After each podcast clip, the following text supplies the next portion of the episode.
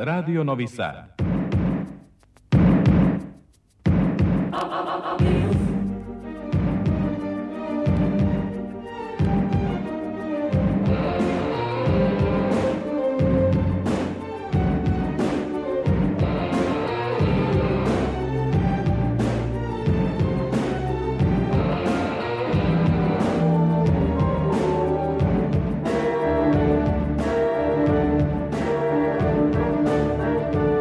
Spektar.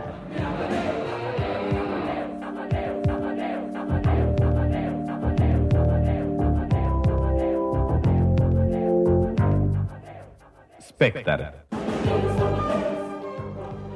Dobro večer. Ja sam Tatjana Novčić-Matijević. Petak je prvi oktobarski petak. Počinje Spektar, magazin za kulturu prvog programa radija, radio televizije Vojvodine.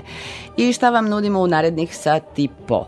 Šta je to aktuelno u kulturi i umetnosti na ovim prostorima? Puno toga se dešava što je i pripadajuće, imajući na umu da je Novi Sad evropska prestonica kulture, evo još dva, tri meseca, ali ne dešavaju se samo stvari u Novom Sadu, vodit ćemo vas i u Šid. Tamo je otvorena izložba čuvenog ciklusa Save Šumanovića, Šidijanke, a u okviru onog trodelnog op predstavljanja opusa u uh, spomen zbirci Pavla Beljanskog i galeriji Sava Šumanović u Šidu. A od večera su galeriji Matice Srpske nova postavka, nova izložba, posvećena još jednom velikanu našeg slikarstva, reč je Urošu Prediću i, i time zapravo ova institucija obeležava 175 godina postojanja. Čuli smo da je Nobelovu nagradu za uh, književnost dobila francuska spisateljica Annie Ernaux ko je Annie Ernaux i zašto mi nemamo njenih knjiga da čitamo u prevodu na srpski. E, o tome će biti reči i u večerašnjem spektru. Vodimo vas na novosadsku premijeru filma Trag divljači, prvenac Nenada Pavlovića, a po prozi njegovog oca, velikog umetnika Živojina Pavlovića, dakle i pisca i filmskog reditelja. I to nije sve, 87,7, 99,3 i 99,6 MHz ultrakratkih talasa spremni su za druženje sa vama. Za one koji su više pristalice novih tehnologija, oni već znaju od naredne sedmice spektari na odloženom emitovanju na sajtu radiotelevizije Vojvodine.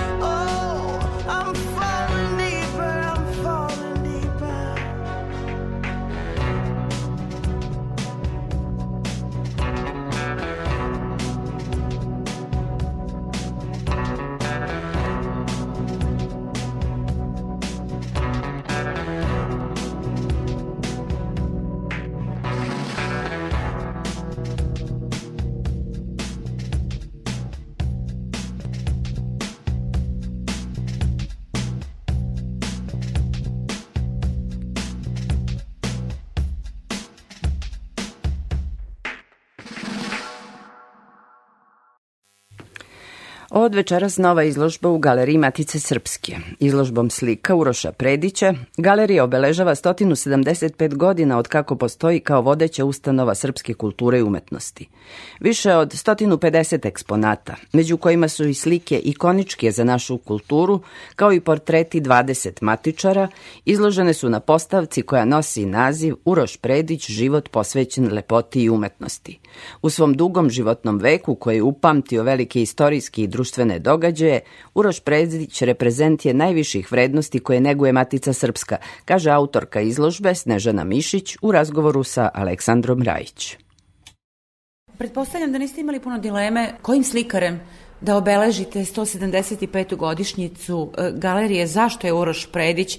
Evo možda nekoliko e, biografskih, e, kulturnih, društvenih, istorijskih podataka o tome kako je vezan za Maticu Srpsku. Zaista nije bilo dileme. Inače, pre 25 godina, kada je Galerija Matice Srpske obeležavala svoj veliki jubilej 150 godina osnivanja, priređena izložba radova Uroša Predića, dakle monografska retrospektivna izložba, kao što jeste i ova koju otvaramo.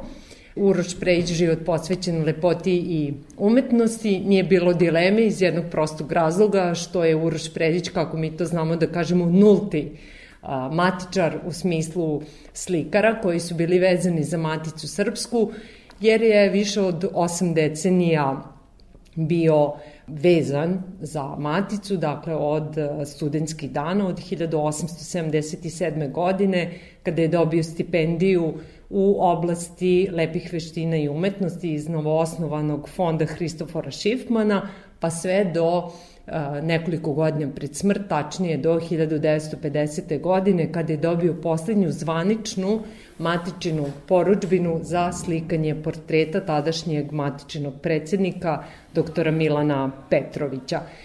Umeđu vremenu, dakle, tih osam decenija, on je bio i član Matice Srpske, potom počasni član, njen privilegovan slikar, jer je, počeši od 1890. pa do pomenuti 1950. godine, radio veliki broj portreta matičinih predsednika, časnika, dobrotvora.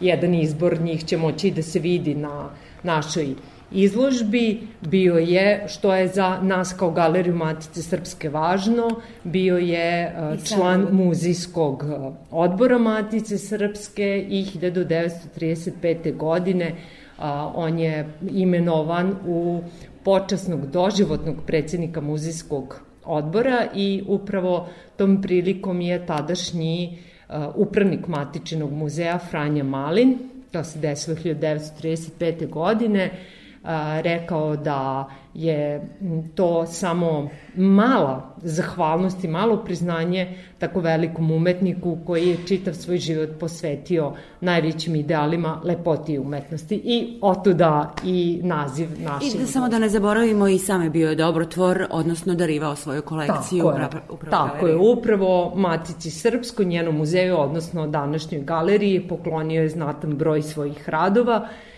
među kojima moramo da pomenemo naravno nadurenu devojčicu koja jeste slika prepoznatljiva za galeriju, koja jeste light motiv ove izložbe iz razloga što je to slika koju je on uradio na akademiji kao stipendista Matice Srpske, to je nagrađena slika nagradom barona Gundla za najbolji rad u ulju prema živom modelu i interesantno je da se od te slike nije odvajao sve do par godina pred smrt, tačnije 1949. godine je tu sliku poklonio Matici Srpskoj, napisao je dakle i pismo i to pismo izlažemo na našoj izložbi.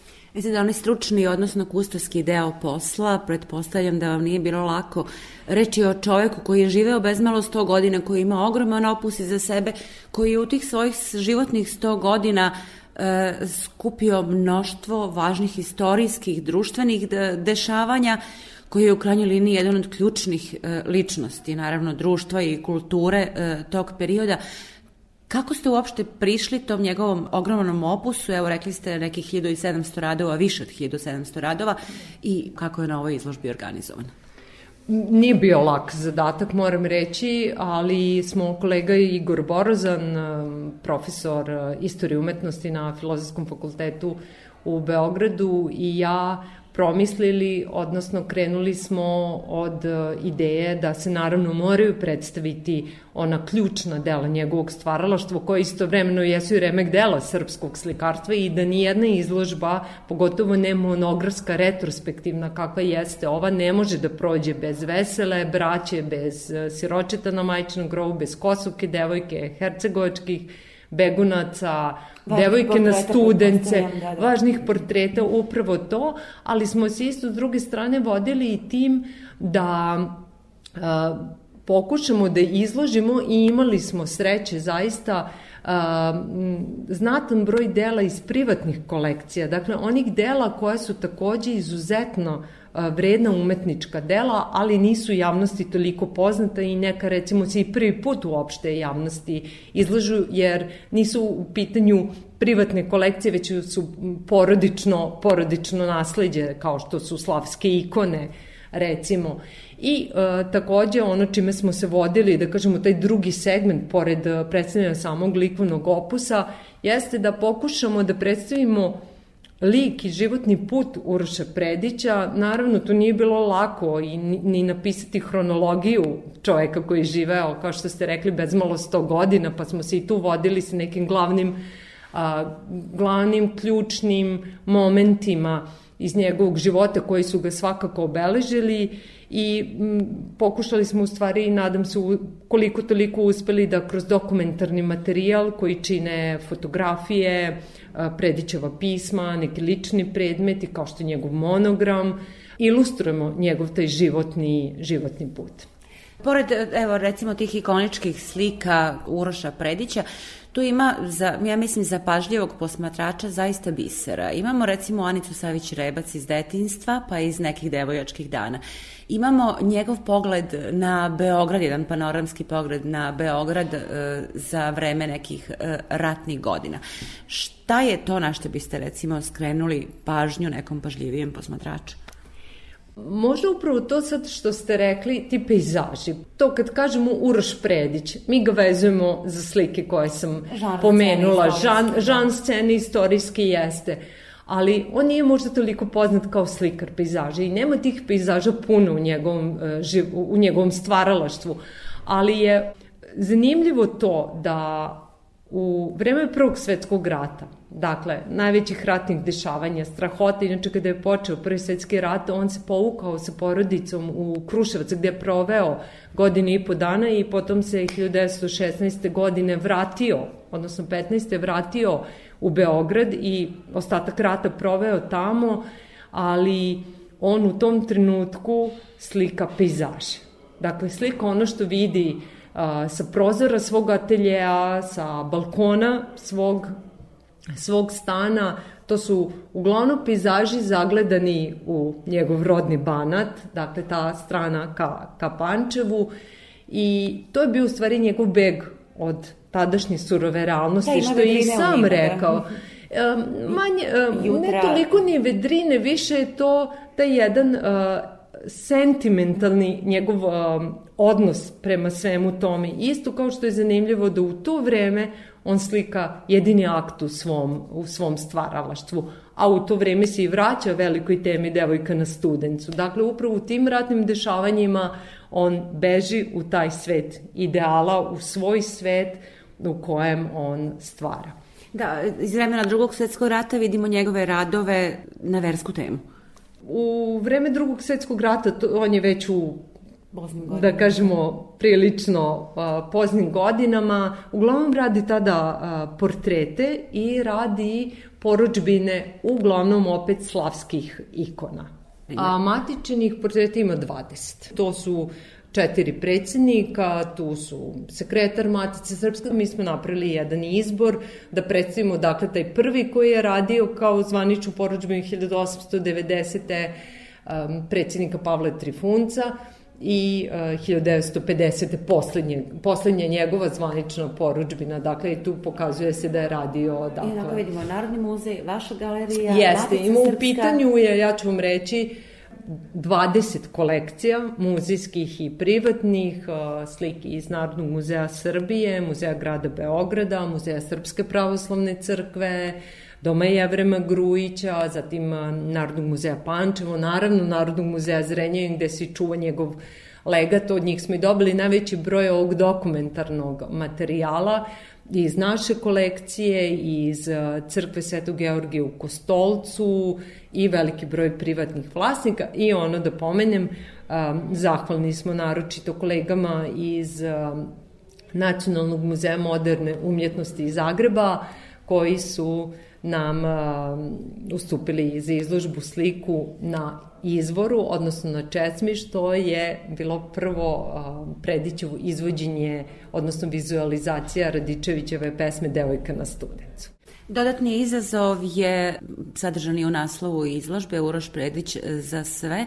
Dakle, izložba koju ste morali da prilagodite svim posetiocima. Šta to praktično znači? Projekat Uroš Predić za sve sastavni deo izložbe, dakle, odabrali smo pet ključnih slika za koje su napravljeni modeli, taktilni modeli, takođe je objavljen i vodič na Brajevom pismu, dakle izložba je dostupna svima, svim osobama sa različitim vrstama invaliditeta, odnosno nedostataka, što i jeste, da kažemo, put ka kojem teže galerija već um, dugi niz godina, da kažemo, evo, poslednjo četvrt veka, da zaista bude muzej otvoren za sve, za sve uzraste, za sve vrste posetilaca, tako da i u okviru tog projekta Uroš Prejić za sve, postoji i edukativni program za decu, dakle to su oni mali predškolci, ali postoji i program za tinejdžere, urađen je strip, urađena je dečja publikacija, bit će program za treće doba,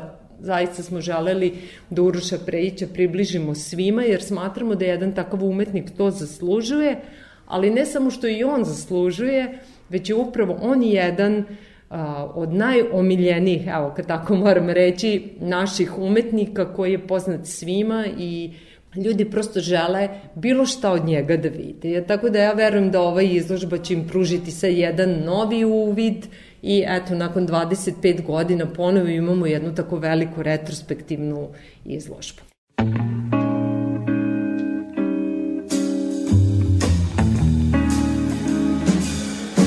Un jour de différence dans toute une existence. Ça n'a pas d'importance, semble-t-il, et pourtant, la vie vous semble crise. 24 heures suffisent pour qu'on la trouve exquise que faut-il simplement?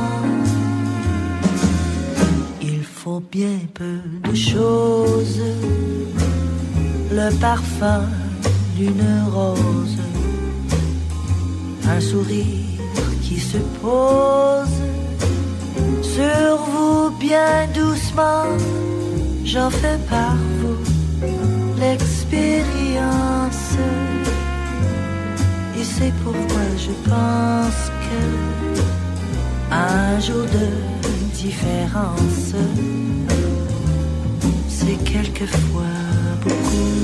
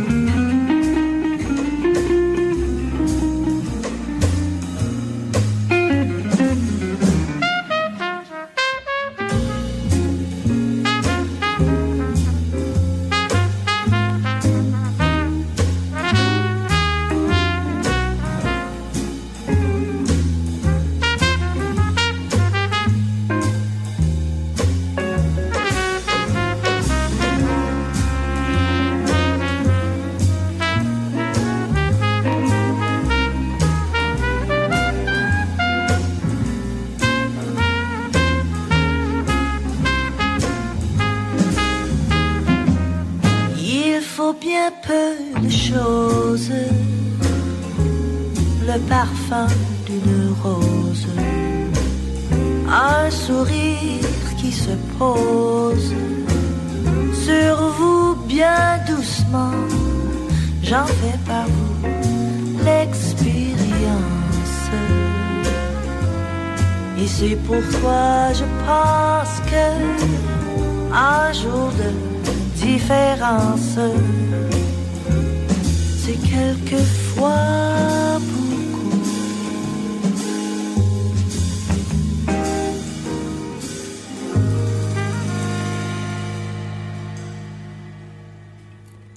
Izložbe Save Šumanovića u evropskom kontekstu između dva svetska rata traju do decembra u spomen zbirci Pavla Beljanskog i u galeriji Matice Srpske. Ove sedmice otvoren je i treći segment velike izložbe. Šid nije daleko i neizostavno treba otići da se vide šidijanke na izvornom mestu u galeriji slika Sava Šumanović. Sve tri izložbe pružaju sveobuhvatan pogled na umetnikovo stvaralaštvo od studentskih dana do povratka u Srem, gde slika uglavnom pejzaž i akt. Upečatljiva i u našem slikarstvu jedinstvena serija aktova u utopijskoj Arkadiji. Manifestuju duh vremena, kaže autorka izložbe Milana Kvas u razgovoru sa Aleksandrom Rajić. U celokupnom e, opusu Save Šumanovića e, dominiraju dve glavne teme, a to su pejzaž i akt, prvenstveno ženski akt i on je e, tu svoju naklonjenost prema tim motivima najviše izrazio u stvari u šitskom periodu.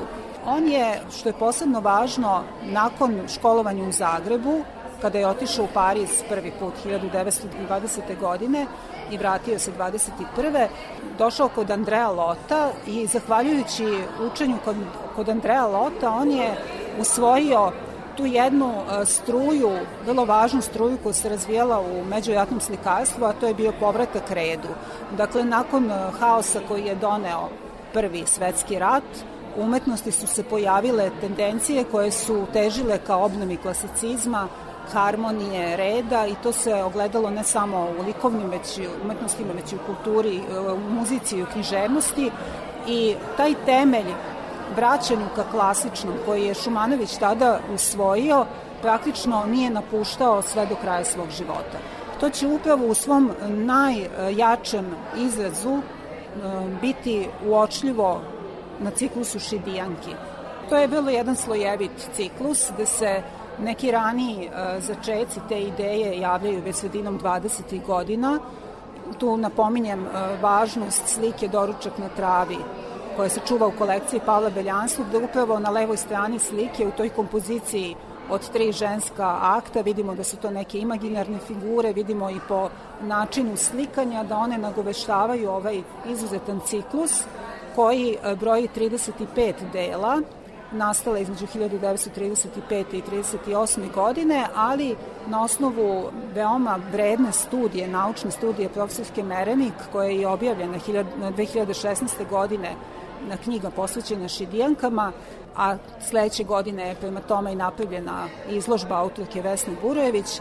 Tom jezgru od 35 dela dodate su i one koje prethode, koje su ga najavljivale i one koje se na neki način postepeno udaljavaju od tog ciklusa, tako da sama izložba obuhvata 54, ukupno 54 dela koja žele da nam predstave taj koncept kojim je Šumanović bio obuzet sredinom četvrte decenije 20. veka. Ono što je on e, kao neko nasledđe iz istorije i teorije umetnosti tu primenio, polazeći od Lota, a preko Lota i do glavnih uzora obnove klasicizma, to su bili Poussin i Engr, jeste da se napravi ciklus e, figura koje se ponavljaju, e, zatim ciklus koji pokazuje osjećaj stalnosti, nepomičnosti, upravo da bi se pokazala neka vanvremenska linija klasičnog koja se u nekoj svojoj konstanti može prepoznati u čitavom toku, jednom toku istorije umetnosti. E, posebno je značajno što je Šumanović u tim godinama bio u nekoj vrsti samoizolacije, dobrovoljne izolacije zbog svog zdravstvenog stanja. Njemu je prijalo da, da boravi u Šidu, da se bavi imanjem, vinogradom, njemu je početkom 30. godina preminuo otac, tako da je on e, preuzeo ukupnu e, brigu o gazdinstvu i on je u toj nekoj povučenosti, u nekom, nekoj posvećenosti umetnosti e, prešao u jedan imaginarni svet koji se kod njega prosto mešao sa javnošću. E, da li je to bila model iz realnosti ili je to bilo plod njegove imaginacije, njegova anima, to više i nije toliko bitno. Bitno je ono što je rezultat u čemu mi danas uživamo i ono što je posebno iznenađujuće što e, slični ciklusi u, tokom 30. godina nastaju umetnosti drugih značajnih slikara fantastike, magijskog realizma, nadrealizma, dakle onih tokova u slikarstvu koji opet imaju taj osnovnic u klasičnom, kao što su Delvaux, Pierrot i René Magritte, gde zaista isto u njihovim delima postoji slična atmosfera, postoje ženski aktovi ili likovi koji se ponavljaju. To prosto kazuje na onu činjenicu koju smo svi svesni da određeno vreme nosi duh tog vremena i da bez obzira na udaljenost umetnika i na njihovo mesto gde stvaraju postoji jedna prepoznatljivost e, vremena koje oni predstavljaju u svom slikarstvu.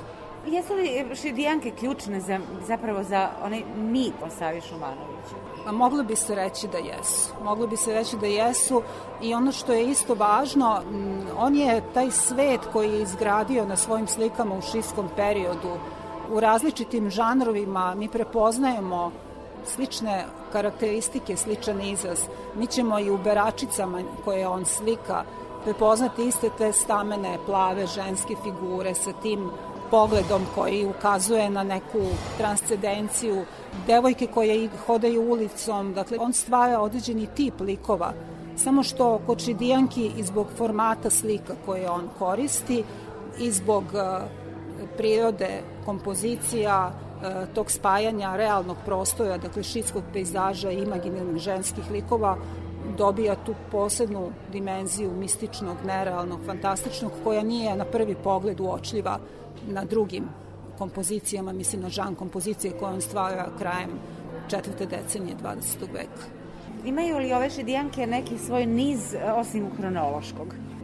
Jako je zanimljivo da mi kada posmetamo te slike, one kao uh, kao da mi očekujemo ili da vidimo da one ulaze sa jedne strane slike pa da izlaze. E, ta filmičnost koja je kod Šumanovića prisutna i u parijskom periodu, to ćete moći da pogledate i na slikama u spomen zbici Pavla Beljanskog ili u galeriji Matice Srpske, način na koji Šumanović kadrira kompoziciju, kako postavlja likove ili e, bilo da su figure ili su predmeti, na, na toj kompoziciji, tu se mogu nesumnjivo e, videti uticaj e, savremenog e, teatra, savremenog filma, fotografije i sve to kod Šidijanki dolazi do, do nekog vrhunca. Pogotovo što ostavlja izuzetno jak utisak zbog samih dimenzija dela, zbog kolorita koji on primenjuje, zbog neverovatnog spoja nečega što je imaginarno i nešto što bi moglo biti realno, tako da je ovaj ciklus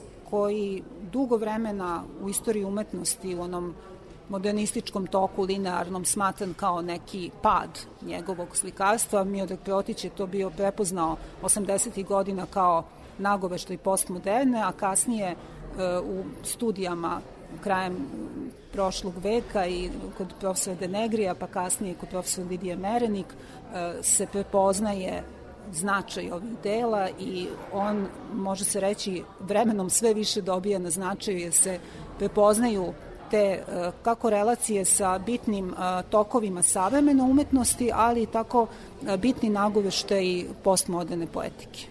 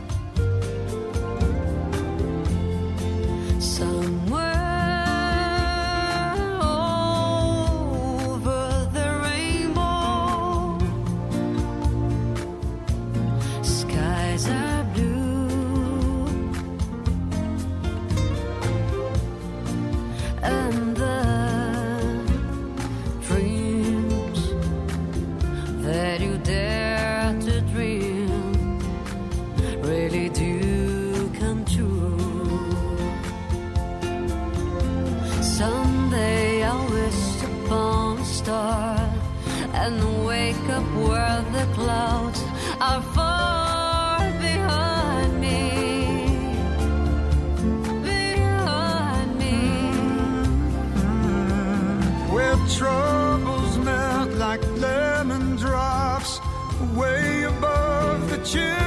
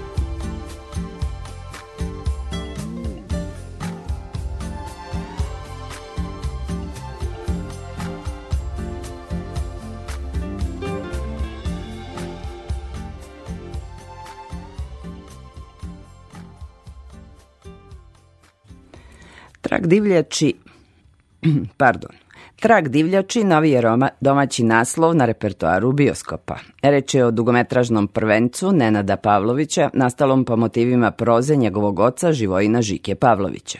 Sa rediteljem i scenaristom Nenadom Pavlovićem razgovarala je Ivana Maletin Ćorilić. Trag divljači, vrlo slikoviti, intrigantan naslov, ujedno i naziv romana vašeg oca. Je li to bila polazna tačka za adaptaciju predložak? Krenuo sam od toga što prvo, naslov je fantastičan. A, postoje već, postoje već adaptacija romana u scenariju, mm -hmm. koju su pisali moj otac Živojna i moj majka Snežana zajedno, kad je roman izašao negde 80-ih. I od toga se krenuo, od tog scenarija, ali koji su više jedna ljubavna priča u tako nekom malom, maloj varošici i previše tako dramsko ljubavna, što mene lično nije e, baš moja šoljica čaja. Tako da sam onda krenuo od toga, preuzeo neke scene i onda nadograđivao sa ostalim likovima koji se pojavljuju u ostalim romanima u istom tom miljeu, u istom tom kraju a, i gradio i to dao tu trilersku, trilerski zaplet. Da, izašli ste iz okvira krimi drame koja je kao žan izuzetno popularna kod nas u poslednje vreme i dodali ste još neke primese koje zaista izdvajaju ovaj film od ostalih. Jeste li želi da dočarate malo i tu epohu i da dodate neke elemente koji će oplemeniti celu priču? Kako da ne, naravno, bio mi je cilj da, da, da prvo, meni su 70. jako privlačne generalno i najviše volim filmove iz 70-ih. A, između oslog zato što je postojala ta sloboda u izražavanju a, koja je danas vrlo, ne samo kod nas, uopšte u svetu, vrlo ograničena usled političke korektnosti. Da, a svakako mi je bilo zanimljivo da prikazujem Jugoslaviju pred početak raspada, kako ja to volim da početak propasti, neposredno pred Titovu smrt. A, I bio je veliki izazov da ostanemo u tome verni i autentični od početka do kraja. Što po reakcijama nekih ljudi koji su živjeli u to doba, posle ja tad tek rođen, a, smo uspeli. Svi su pohvalili da, da je vrlo verno i autentično to, to obavljeno. Jeste li od početka imali u glavi te glumce? Jeste li prema njima da prilagođavali ceo tok priče? A, ja sam većinu, ne, ne sve, ali da, Miki Manojlović mi je bio apsolutno u glavi za ulogu tog Baša Blagoja, koji je već pred penzijom i bolestan je. A, između oslog zato što to nije tipična uloga za Miki, nije čak ni nakjeca od nešto što bi za njega zvali. Ali je igrao u tajvanskoj kanasti tipa koji je nakon 68. gde je bio učestvovao u protestima, 80 koja je već treće četvrte kad se dešava tajvanska krasta postao do tada već udbaš odnosno neki policajac na nekom višem nivou tako da me to uvek vuklo ka Mikiju a, i veoma sam srećan što, što sam ostao dosledan tome da Miki to igra iako je bilo raznih sugestija ko bi možda bio bolji na neki način ali bi bio zapravo prvoloptaški bolji a srećan sam što što sam ostao prijavan. Nada Šargin je moja muza, mm -hmm. Tako da je apsolutno ona bila od prvog trenutka pisanja scenarija doktorka Sonja i to se nikad nije promenilo. A, Raža Bokvić je bio malten uvek tu za ulogu Jugoslava, novinara, koji je tako malo naivan, ali idealist i zaluđenik, što za našu negde da se neće ljutiti, da kažem, jeste karakteristično, što je lepo, naravno. E sad, kod, kod uh, uloke uh, Aljoša Jatića, uh, tog disidenta iz 68. koji je digao ruke od revolucije i uh, izolovao se u neku šumu i živi kao lovac i potpuno usamljen. Tu je bila ideja da to igra Ulik Stefimil, što, što je stajalo od samog početka snimanja kada je obole od korone. Mm -hmm. A mi smo već počeli sa snimanjem, morali smo hitno da ga promenimo i došli smo na ideju Miloša Timotijevića, koji je onako herojski uvate u to sa dva, tri dana priprema i fantastično izvao tu ulogu. Koliko je vam je prilikom rada na ovom filmu, budući da je to vaš prvi dugometražni film, poslužilo to iskustvo sa kratkometražnim filmovima i koliko ste usadili toga? Pa ja sam kratkometražni film snimao davno. još, teško još na fakultetu. Ono što, što mi je bilo značajno i pomoć je što sam pre dve, tri godine režirao nekoliko epizoda za seriju Žigostani u raketu, što me posle tipa 10 godina pauze od režije vratilo prosto u, to kako funkcioniše snimanje, kako ide sradnja sa članovima ekipe, sa glumcima e, i to se zahvaljujem Draganu Bjelogaliću koji mi je tada pa eto tako ukazao poverenje iako smo se upoznali tek tada mm -hmm. baš onako divno s njegove strane a, te, takođe sam nešto malo snimao i na Južnom vetru seriji što kao reditelj druge ekipe što kao nekad i neke scene umesto Miloša Avramovića kad on nije mogao ili kad je bio zauzet drugim stvarima što me naravno isto mi je davalo mogućnost da održim tu, taj kontinuitet rada, mm -hmm. koji je jako važan. A, takođe, pošto se bavio, pa skoro već 15 godina, kastinzima, a, to mi je mnogo pomoglo u, u radu sa glumcima, mm -hmm. jer sam stalno imao kontakte sa njima, probe za razne projekte, što strane, što domaće, što serije, što filmove, što reklame, ali sam sa mnogim od njih već izgradio odnos i kontakt i poverenje, a, što mi je mnogo značilo da sad ovde lakše uđem u, u rad. Koliko vam je značilo to što je film premjerno prikazan na festivalu koji je ustanovio nagradu u čast vašeg oca? Je li vam on bio uzor prilikom rada i na ovom filmu? Kako da ne, pa mi uzor uvek. Iako mi je ranije bilo i, i bio i breme, da mhm. prevaziđem to kao kako ću ja sad da pariram njemu. Dok nisam malo sazreo i shvatio da ne moram da mu pariram. Ja mogu da pravim svoju karijeru koju ne moram da ima sa njegovom i realno svako ko pogleda trak divljači i ko je gledao njegove filmove shvatit će da su to drugačije estetike bez obzira što je njemu odem ova žovte i njemu i crnom talasu i, i, i zasnovana na njegovim romanima. I naravno da ga cenim beskreno ali mi je pomoglo da se odvojim od toga da sad, od tih očekivanja kao ja sad moram da njemu pariram. A ima ljudi koji će, gledajući ovaj film, očekivati novi film Žike Pavlovića, mm -hmm. što da im kažem, razočarat će se. da, nisam otkorio to, ali da mi značilo da pred premijerno bude prikazano u festivalu u Leskovcu, gde nagrada nosi ime Žike Pavlovića. Nisam hteo da učestvujem u, u takmičarskom programu, jer bi mi to bilo prosto neprijatno da se takmičim za nagradu ko nosi ime mog oca, jer bi u svakom slučaju bilo glupo. I ako dobijem, i ako ne dobijem, uvek bi se našao neko ko kritikuje. A, ali to mi je svakako bilo drago i, i značajno.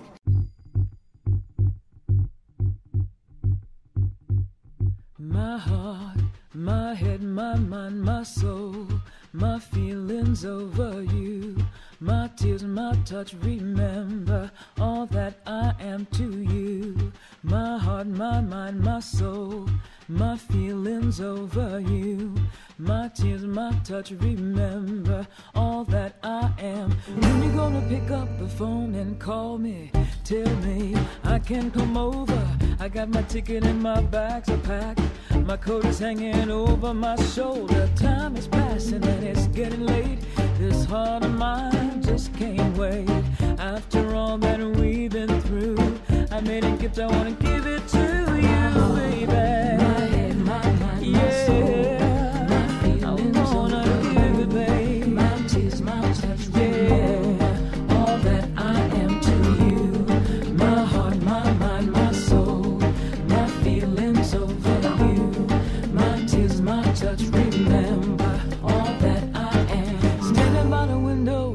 Out. My heart is turning, I wanna shout.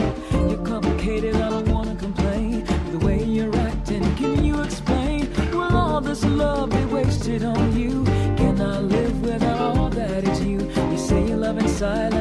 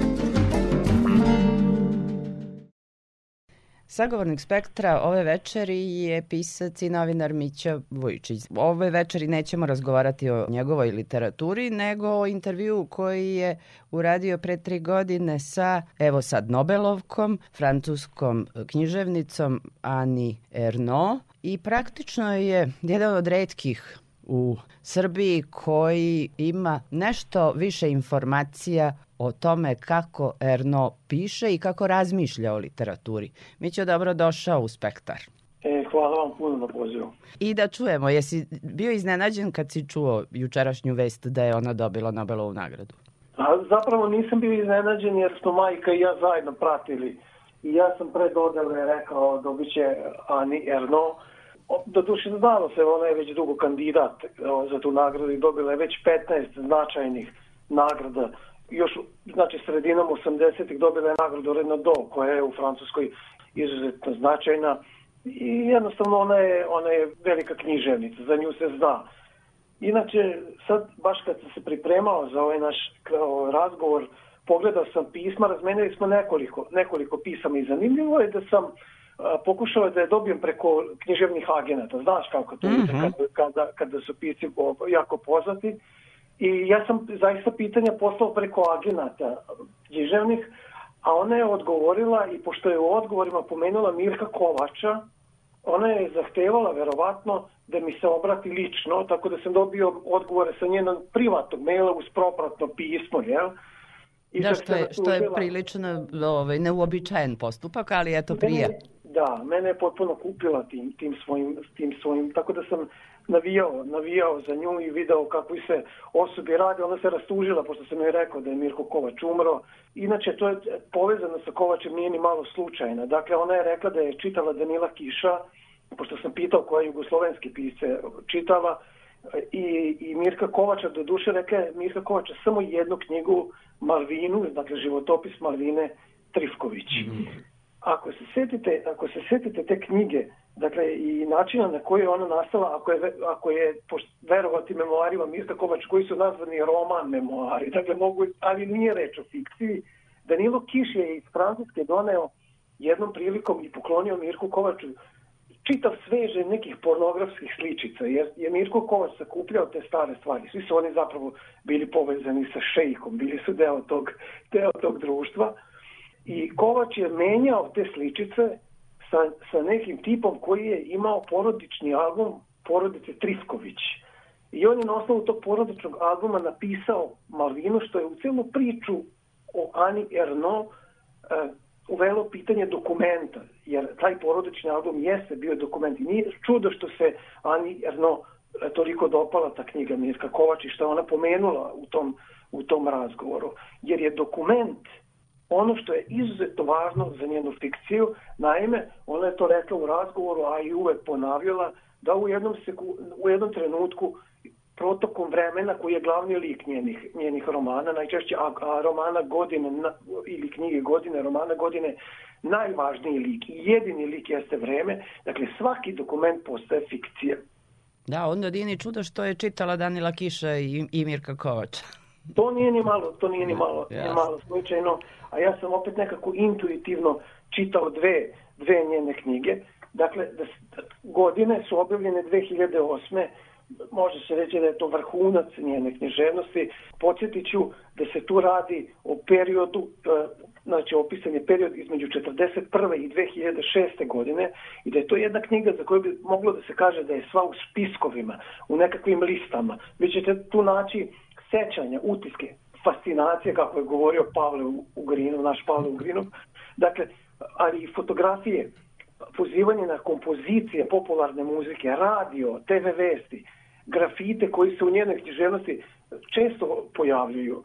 Dakle, sve je to nanizano u toj knjizi gde postoji mi. Dakle, mi kao kolektivna autobiografija, kao jedna zajednička istorija. To je ono što je želela Ani Erno da postigne u knjizi e, pod naslovom godine, objavljenoj 2008. Ali pazite, recimo knjiga koja je izašla sredinom 90-ih, ja ne znam kako će to ovde preve- prevesti, vidim da su na zapadu to eksterijeri, spoljaštost, ali recimo gru prevod te knjige bio bi ulični dnevnik. To je jedna kratka knjiga, ima 80-90 stranica, ona je napisana u fragmentima i opisuje godine između 85. i 92. godine. Znači, ali u čemu je štos? U jednom trenutku svog života Ani jedno se e, preselila u jedno mesto 40 km od Pariza i radilo se o gradiću koji je izgrađen za potrebe, verovatno za neke pot industrije. Dakle, to je bio novo, novo izgrađeno neko naselje u kome, kako ona kaže, nije bilo prošlosti. I tu se ona prvi put susrela sa, sa tim fenomenom da sreće neke nove ljude, da vidi neke nove, sve je bilo novo. Međutim, želim da skrenem pažnju na jednu, na jednu stvar koja mislim da je bitna za razumevanje, mada i ja, dakle, ona je napisala mnogo, kako kažu sad, od kada je dobila Nobela, mnogo kratkih knjiga. Ali ako se spoje sa te godine iz 2008. pa se vratimo nazad do sredine 90-ih i računamo na to vreme opisano u fragmentima od 85 u toj prozi za koju ona kaže da nije autobiografska, da su to njene iskustva provučena kroz kolektiv. A ona se upravo u tom novom naselju uklapa u taj kolektiv tako što mu ne prilazi da priča sa njim, nego ga opisuje.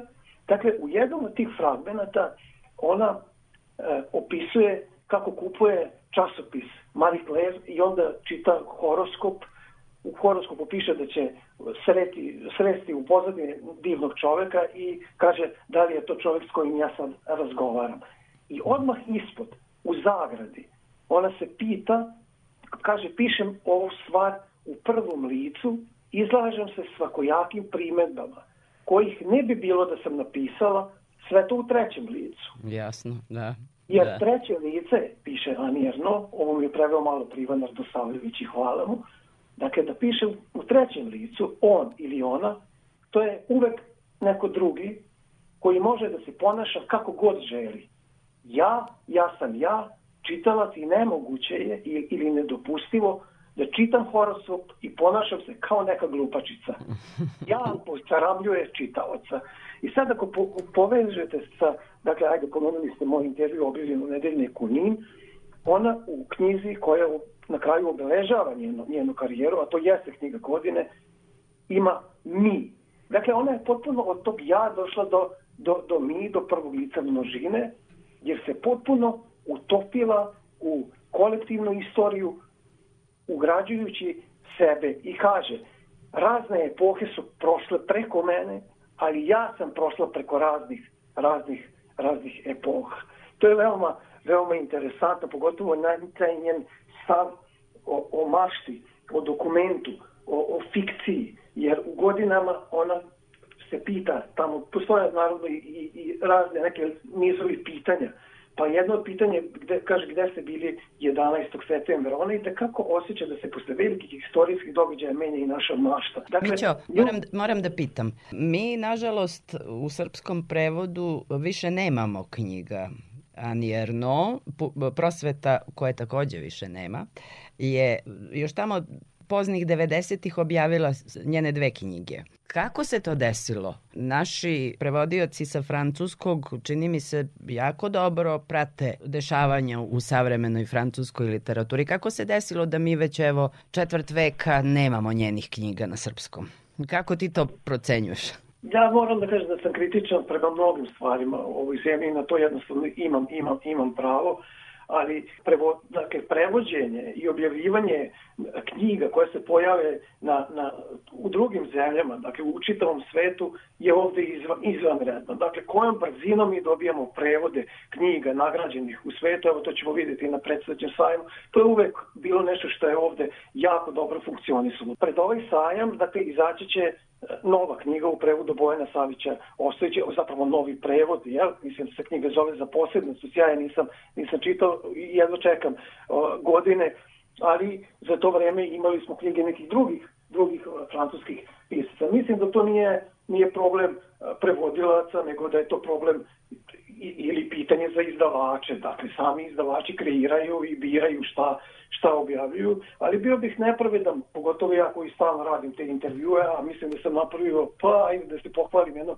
30 intervjua sa, sa francuskim piscima. Imamo e, puno prevodilaca sa francuskog jezika koji dobro, dobro, dobro prevode i zaista nam daju mogućnost da, da pratimo, da pratimo tu književnost. Evo pokazalo se da je Ani Ernaud, dakle da se tu malo, malo zakazalo, ali ne verujem da, da su za to krivi, ali da kažemo prevodioci.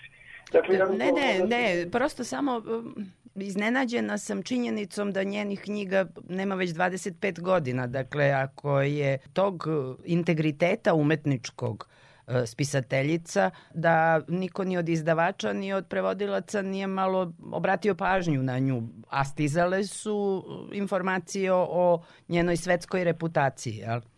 Da, jedino je što mogu da kažem je treba da, da, da, da ispravim. Dakle, ja znam za prevodioce koji su prevodili Ani Erno i dok se knjige nisu pojavile. Dakle, dok, evo sad će se pojaviti, dakle, najmanje znam dvoje, dakle, koji su prevodili i radili na književnosti Ani Erno. E sad što se to još nije pojavilo ili što će se tek sad pojaviti, to je nešto drugo i da budemo pošteniji prema izdavačkoj kući Štrik. Dakle, oni su počeli da rade na ovom prevodu, ja za to po- pouzdano znam. Dakle, pre nego, mnogo pre nego što je o, Ani Erno dobila Nobelovu nagradu. Tako da ćemo- Ali evo, ovo slučajno namestilo sada. Stići će za da sajam. Knjiga sad, knjiga će, koliko sam čuo, izaći, ja ne mogu, dakle, da to sa sigurnošću znam, ali sigurno znam da su oni na, na, na toj knjizi i na ostalim rukopisima, dakle, radi paralelno na nekoliko, na nekoliko knjiga, jer poznajem prevodioca Bojana Savića Ostojića i mi smo anjerno razgovarali pre nekoliko meseci i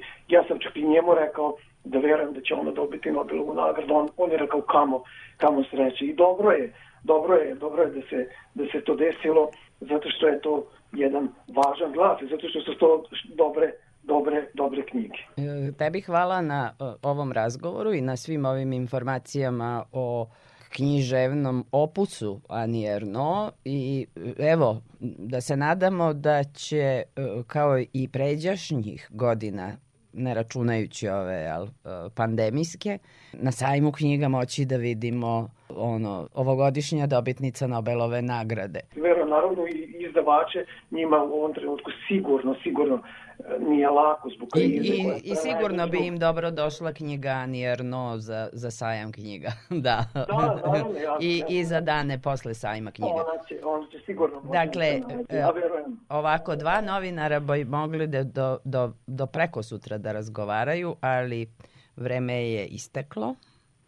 Tako da zahvaljujem se Mići Vujičiću uh, na ovoj priči o do- Nobelovki Ani Erno i uh, eto, lepo je potražiti u arhivi od pre tri godine, je tako, intervju koji je rađen za NIN, pa da podrobnije saznamo o spisateljici koju ćemo, nadam se, vrlo brzo čitati u prevodu na srpski jezik. Mićo, hvala. E, hvala puno. Evo, ako svem da ja završim u nekom isto pozitivnom ovaj, ovaj, to i da preporučim jednu mlađu književnicu, mlađe genera, generacije koja dolazi posle, za koju bih rekao da jeste bila pod nekakvim uticajem Ani Erno, Loren Elkin, ona nije prevedena i verovatno će još malo sačekati, tako da je Loren Elkin evo jedna od književnica sada popularnih u Evropi i tako da se ja nadam da ćemo u, u neko dogledno vreme čitati i Loren Elkin i pitati se koliki je uticaj Ani Erno i da ostale književnike i književnice, a mislim da je taj uticaj velik, znači bila prevedena ili ne, ili čitala se na francuskom ili na engleskom, mislim da je njen uticaj ogroman. I sad je stvarno kraj. Hvala puno.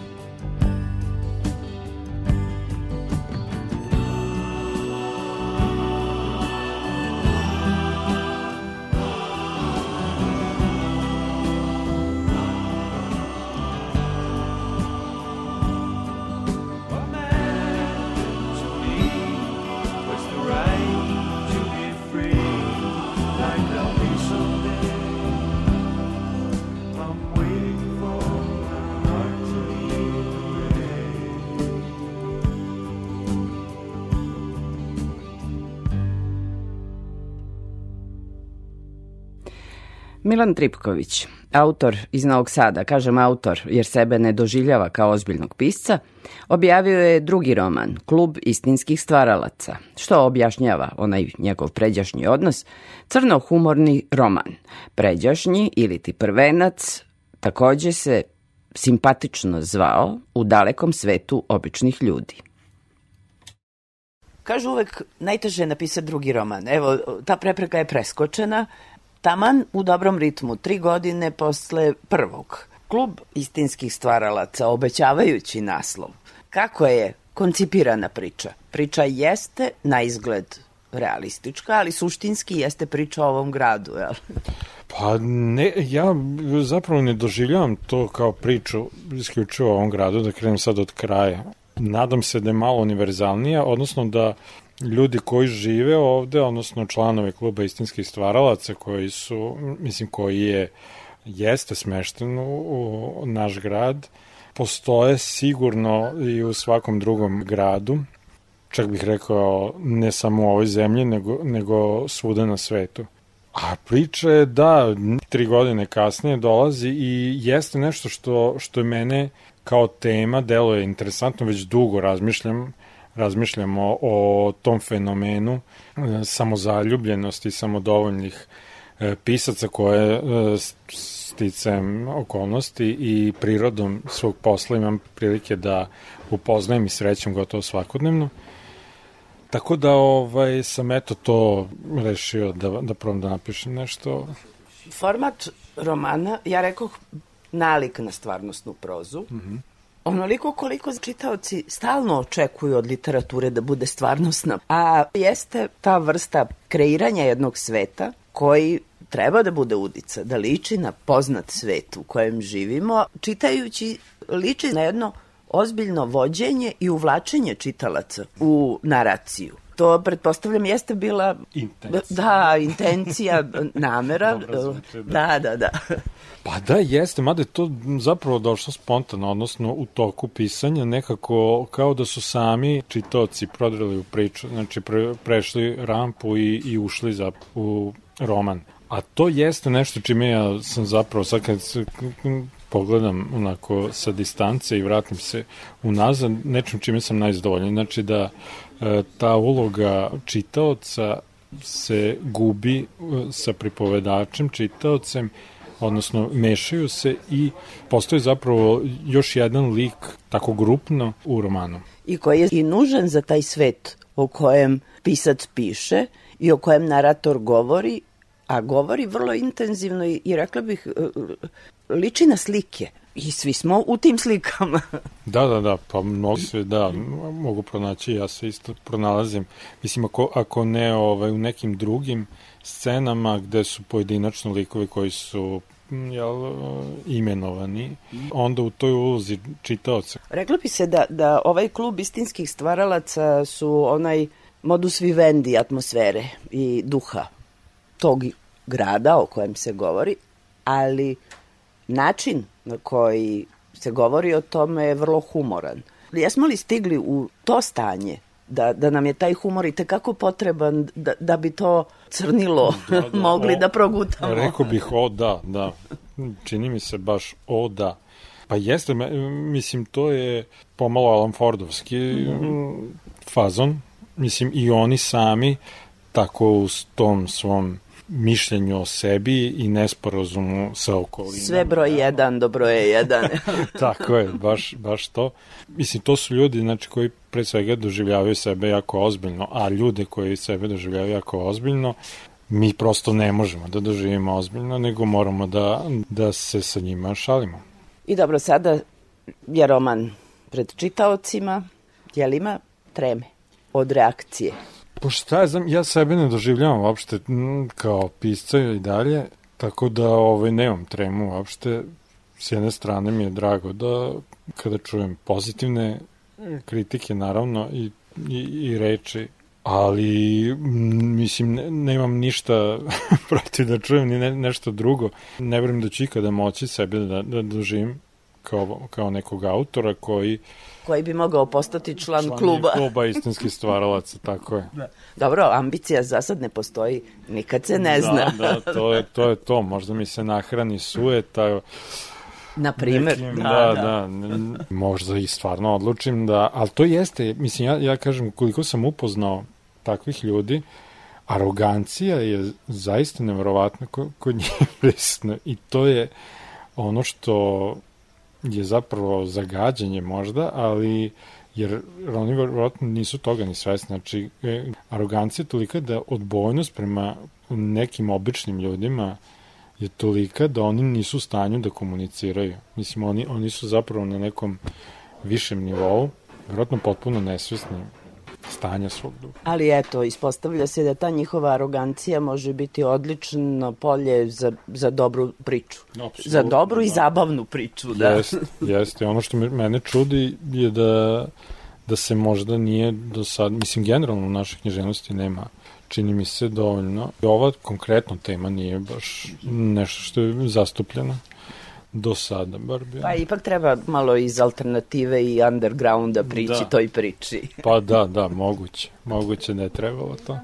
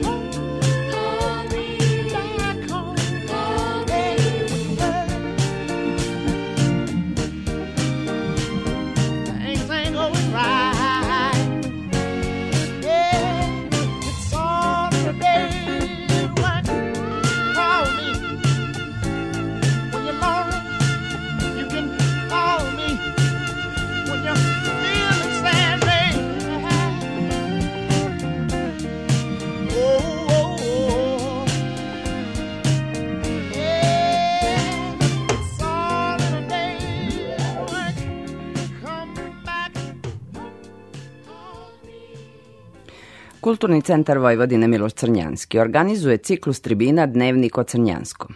One su posvećene delu i životu tog velikana književnosti, gosti su najbolji poznavaoci dela Crnjanskog, od profesora, teoretičara i kritičara do pisaca savremenika. Na četvrtoj tribini bilo je reči o, ako ne o manje poznatom, a ono sigurno manje čitanom delu kod hiperborejaca.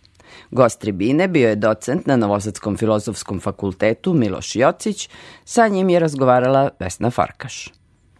Kod hiperborejaca vidimo i tačno znamo da je tada Miloš Crnjanski diplomata, da u jednoj divnoj osunčanoj Italiji on u stvari razmišlja o hiperboreji, odnosno o nekoj zemlji koja je negde na dalekom severu i s druge strane imamo putopis, ali sasvim potpuno novo i moderno uspostavljen kroz neku psihogeografiju koju ste govorili sada. Dakle, Miloš Crnjanski potpuno drugačije vidi Rim u to vreme.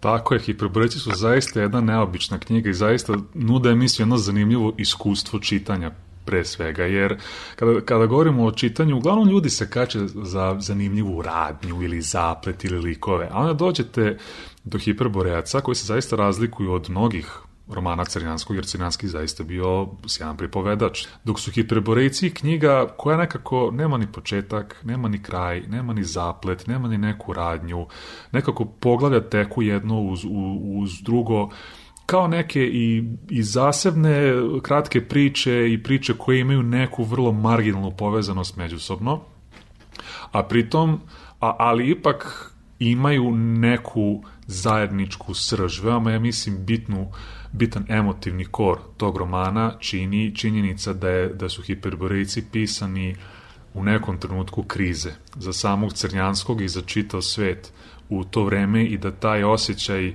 prosto odjekuje kroz čitav roman. Koliko roman zaista bio lep i ovako meditativan za čitanje, postoji nešto duboko melanholično i potresno u njemu.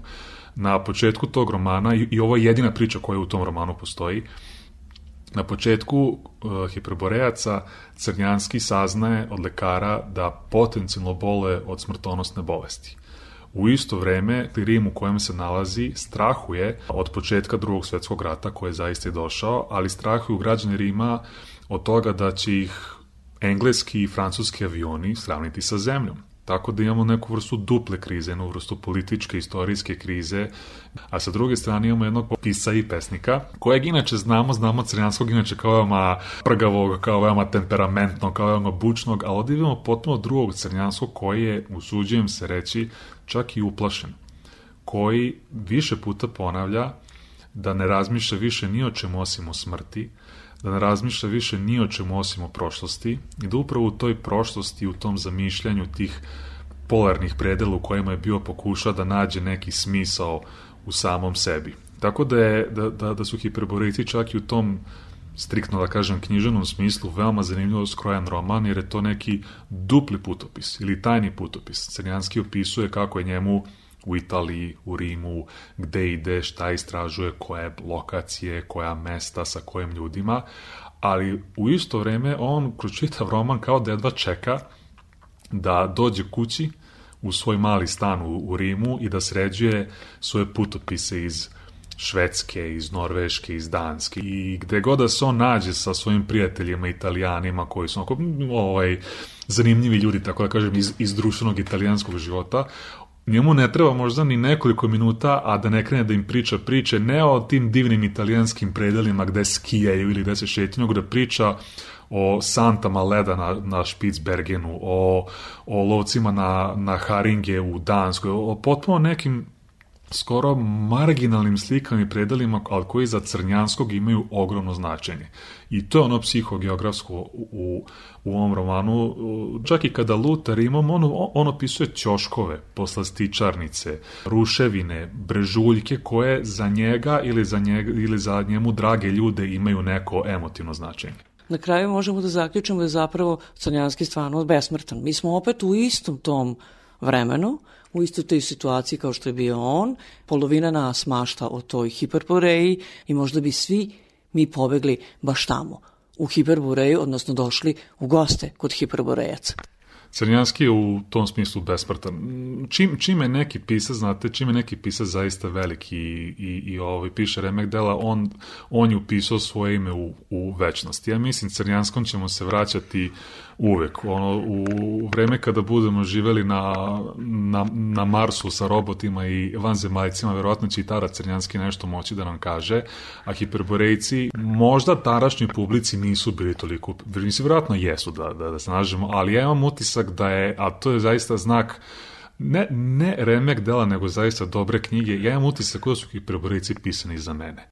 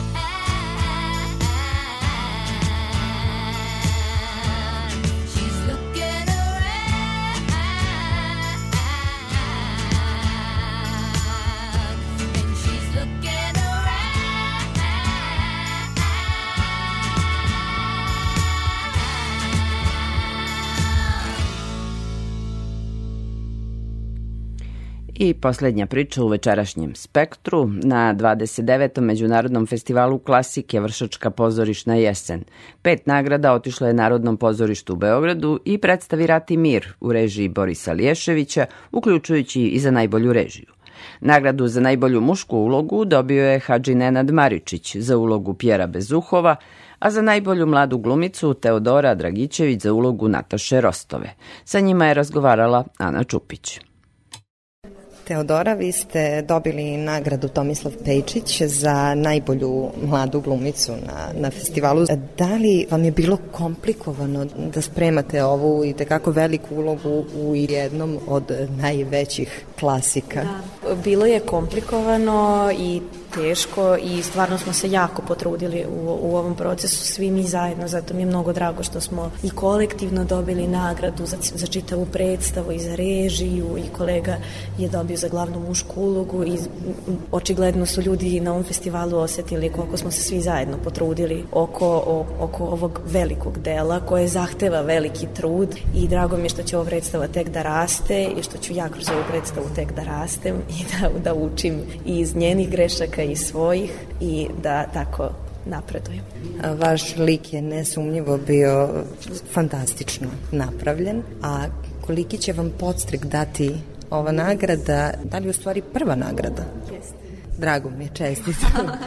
I koliko je za vas bitno, pošto ste vrlo mlada glumica, to putovanje na festivale, upoznavanje i sa drugim prostorima scenskim? Jako je važno, iskreno. Mislim, je, meni je naravno najprijatnije da igram u Narodnom, jer prosto tu se stvorila ta predstava i tu se sve rodilo i tamo nekako šta god da se dogodi nije strašno. Da, kad smo putovali ovog leta po otvorenim prostorima i kad smo se suočavali sa vetrom, sa muzikom, ono, neko pored upali muziku, kad smo se suočavali sa tako nekim okolnostima, to je, to je veliki trening za glumca. I sad, na ovom festivalu, prvi put za celo leto igramo u zatvorenom prostoru. I to je nekako bio onako mali povratak u Narodno i devetog opet igramo u Narodnom.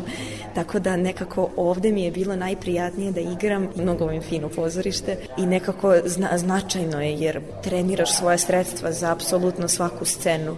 Čak su se neka prilagođenja scenska rodila na festivalima. Mi smo u Ohridu dodali početak sa mikrofonom iz tehničkog razloga, ali na kraju smo to fiksirali jer nam se to dopalo i glumci su krenuli sa tim da se igraju. Rat i mir je definitivno najbolja predstava festivala, pošto ste dobili čak pet nagrada na čelu sa nagradom publike.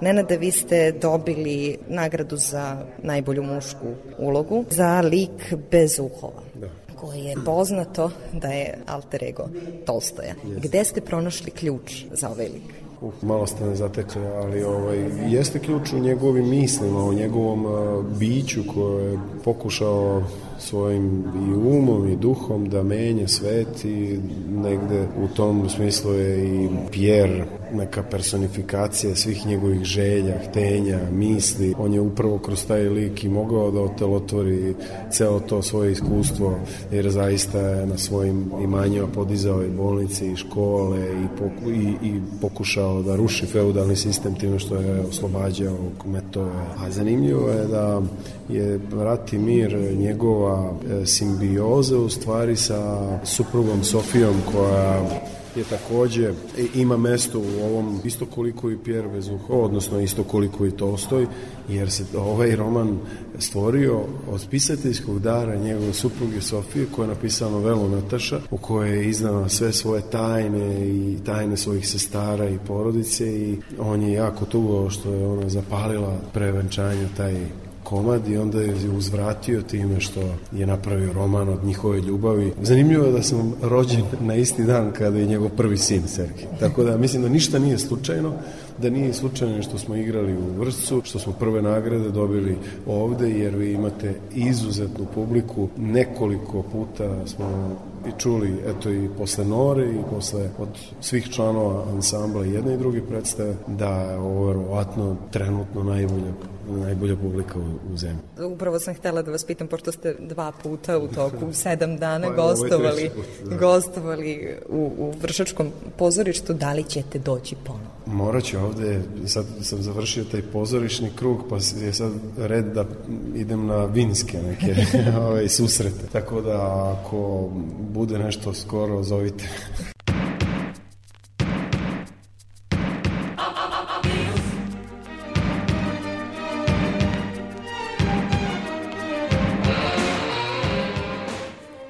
I bilo je to sve za prvi oktobarski spektar, magazin za kulturu prvog programa radija, radio televizije Vojvodine. Čujemo se sa novim aktualnostima polovinom meseca, a onda usledit će ponovo neke nove priče o kulturi i umetnosti.